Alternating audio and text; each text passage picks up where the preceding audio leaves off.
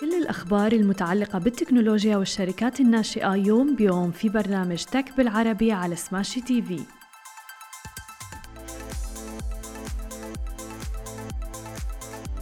صباح الخير وأهلا وسهلا فيكم ببرنامجكم Tech بالعربي. معكم أنا هالة بسام ومعنا بخلف الكواليس ريتشي وشهير. وبداية وقبل ما نبدأ بأخبارنا لليوم حاب نوه إنه برنامج اليوم برعاية الحدث الضخم GITEX و North Star هذا الحدث الضخم اللي رح يجمع مختلف الشركات الناشئة في منطقتنا العربية من يوم 10 ليوم 13 أكتوبر في دبي وتحديدا في مركز دبي التجاري العالمي. هذا الحدث الضخم بيجمع أكثر من 800 شركة ناشئة حول العالم وأكثر من 600 مستثمر وحوالي 400 متحدث من بينهم رح يكون المؤسس لمنصة Kitopi ومتحدث أيضا من Swvl وغيرهم الكثيرين. وطبعا نحن بيسعدنا أنه نكون الشريك الإعلامي لهذا الحدث الضخم لذلك خلينا نشوفكم كلكم هنيك. خلونا نبدأ أخبارنا لليوم ونحكي عن أول خبر آه، معنا لليوم بالأيام الماضية. ضجت فيه مواقع التواصل الاجتماعي وتحديدا في مصر.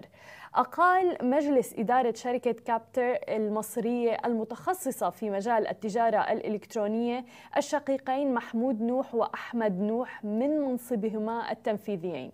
وأعلنت أيضا الشركة في بيان رسمي على أنه مجلس الإدارة للشركة القابضة لكابتر المتخصصة في التجارة الإلكترونية قرر عزل محمود نوح من منصبه كرئيس تنفيذي للشركة. الشركة وأحمد نوح من منصبه أيضا كرئيس للعمليات اعتبارا هذا الحكي من 6 سبتمبر.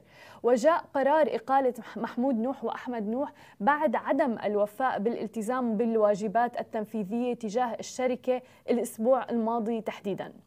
وبحسب بيان الشركة لم يمثل محمود نوح وأحمد نوح أمام ممثلي مجلس الإدارة والمساهمين خلال زيارتهم لمقر الشركة لاستكمال الإجراءات العناية الواجبة لاحتمال اندماج كابتر وأيضا كيان آخر.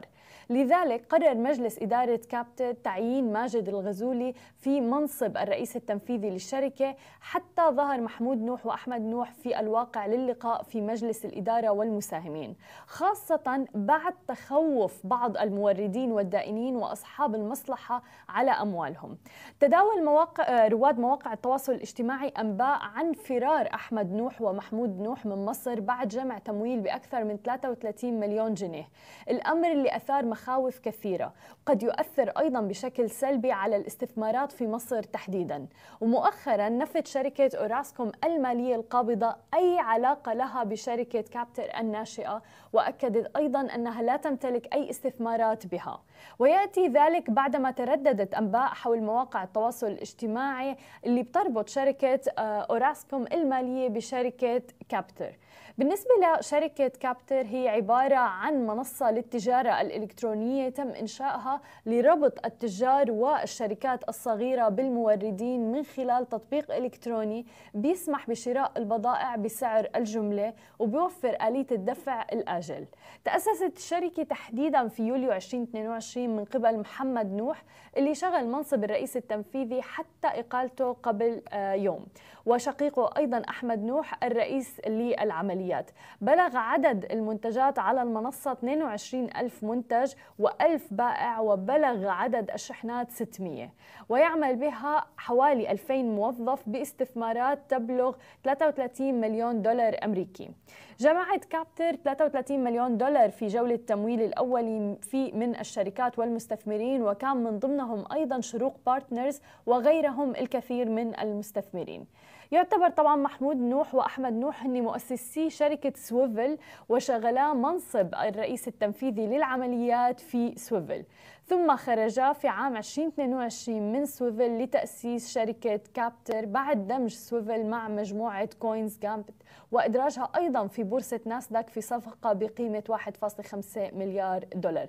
طبعا في العديد من التساؤلات حول هذا الموضوع والعديد من الأشخاص على مواقع التواصل الاجتماعي تحديدا في مصر متخوفين من مدى تأثير هذه القضية سلبا على الاستثمارات في مصر وتحديدا أنه بالفترة الناشئة آه، والفترة الماضية كان في تركيز كبير على الشركات الناشئة تحديدا في مصر وعم نشوف توسع كبير فيهم هنيك وأيضا استثمارات ضخمة عم بتصير بمصر.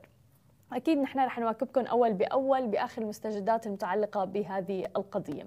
وفي الحديث أكثر عن الشركات في مصر ننتقل لخبرنا التالي حيث وافق مجلس إدارة شركة إي فاينانس المصرية على شراء أسهم خزينة بحد أقصى 5% بأسعار السوق على أن تتم عمليات الشراء خلال تسعة أشهر. وذلك بهدف دعم سعر السهم في البورصة وتعزيز ثقة المستثمرين في الشركة وأدائها المستقبلي أيضاً. يأتي قرار مجلس إدارة الشركة العامة في مجال الاستثمارات المالية والرقمية بعد تراجع السهم في بورصة مصر بنحو 8.5% خلال آخر شهر تحديدا وبعد أقل من شهر على استحواذ الشركة السعودية المصرية للاستثمار المملوكة بالكامل من قبل صندوق الاستثمارات العامة السعودي على حصة 25% من أسهم الشركة تمتلك الحكومة المصرية نحو 42.4% من أسهم e-finance موزعة بواقع 21.8%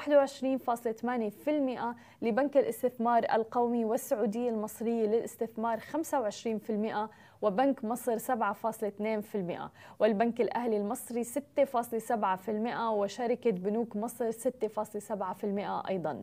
ارتفعت الأرباح الفصلية لشركة e-finance ب 105% في الربع الثاني من العام الجاري إلى 279.3 مليون جنيه صعودا من 136 تقريبا مليون جنيه مسجلة في نهاية الربع الثاني من 2021 وبالإضافة إلى ذلك زادت إيرادات الشركة بنسبة 59% إلى 702.5 مليون جنيه صعودا من إيرادات فترة المقارنة بالعام الماضي 2021 واللي سجلت حينها 441 مليون جنيه.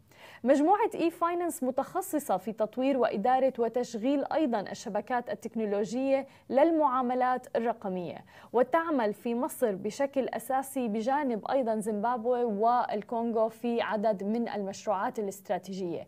كما تتعاون أيضا مع وزارة المالية الليبية وبنك الفلاح التونسي. أما إذا بدنا ننتقل إلى خبرنا التالي أيضا في الحديث عن الشركات الناشئة والاستثمارات أغلقت منصة liwwa الأردنية جولة استثمارية pre-Series B بقيمة 18.5 مليون دولار أمريكي. كان منهما الاستثمارات آه، ملكية بقيمة 4.5 مليون دولار أمريكي تقريبا فيما شملت المبالغ المتبقية قروضا بقيمة 8.5 مليون دولار أمريكي. بالإضافة أيضا إلى 5 ملايين دولار أمريكي عن طريق بنك الاتحاد و790 ألف دولار أمريكي.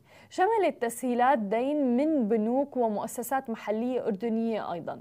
وتأسست منصة التقنية المالية اللواء المتخصصة في التمويل الجماعي والاستثمار في الأردن تحديدا ولكن منذ عام 2013 آه، تقريبا عن طريق أحمد وسامر عطينا وبالإضافة إلى ذلك عم بتقوم المنصة بربط المستثمرين والمقرضين بأصحاب الشركات الصغيرة والمتوسطة اللي تحديدا بترغب في الحصول على تمويل وتوفير تدفق نقدي لتسيير أعمالهم. حيث بيتم دراسة طلب الشركة وفي حال موافقته على شروط الاقتراض بيتم طرحه على المنصة كفرصة استثمارية مع هامش ربح أيضا موجهة للمستثمرين الأفراد وحتى المؤسسات. وهذا الموضوع بشجع بشكل كتير على كبير على الاستثمار بالشركات الناشئة. تحديدا في منطقتنا العربية وبصير حتى أفراد ممكن يستثمروا بمبلغ بسيط في الشركات الناشئة. أما إذا بدنا ننتقل إلى شركة رسال أعلنت شركة رسال وهي مقدمة حلول البطاقات الرقمية مسبقة الدفع وأيضا برامج الولاء عن توقيع استراتيجية مع شركة التقنية المالية الأمريكية Prepay Nation العاملة في أكثر من 125 دولة حول العالم وبتوفر أيضا خدماتها لأكثر من 600 مشغل اتصالات.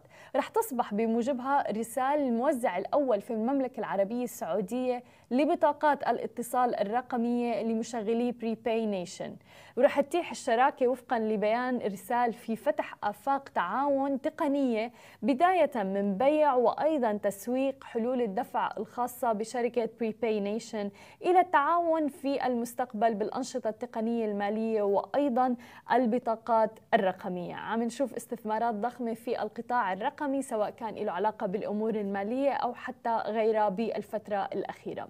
هذه كانت كل أخبارنا الصباحية لليوم. ما تنسوا تتابعونا على كل مواقع التواصل الاجتماعي الخاصة بسماشي تي في. تسمعوا البودكاست تبعنا وتنزلوا الابليكيشن نهاركم سعيد جميعا Okay, guys, we love smashy business news, but Augustus Media is much more than that.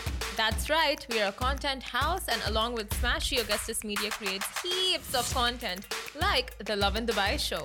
I'm Casey, that's Simran. We're your hosts of the Love in Dubai show. مثل ما وعدناكم أخبار جديدة ومقابلات مع رواد أعمال يوميا في برنامج تك بالعربي على سماشي تي في. حملوا التطبيق الآن.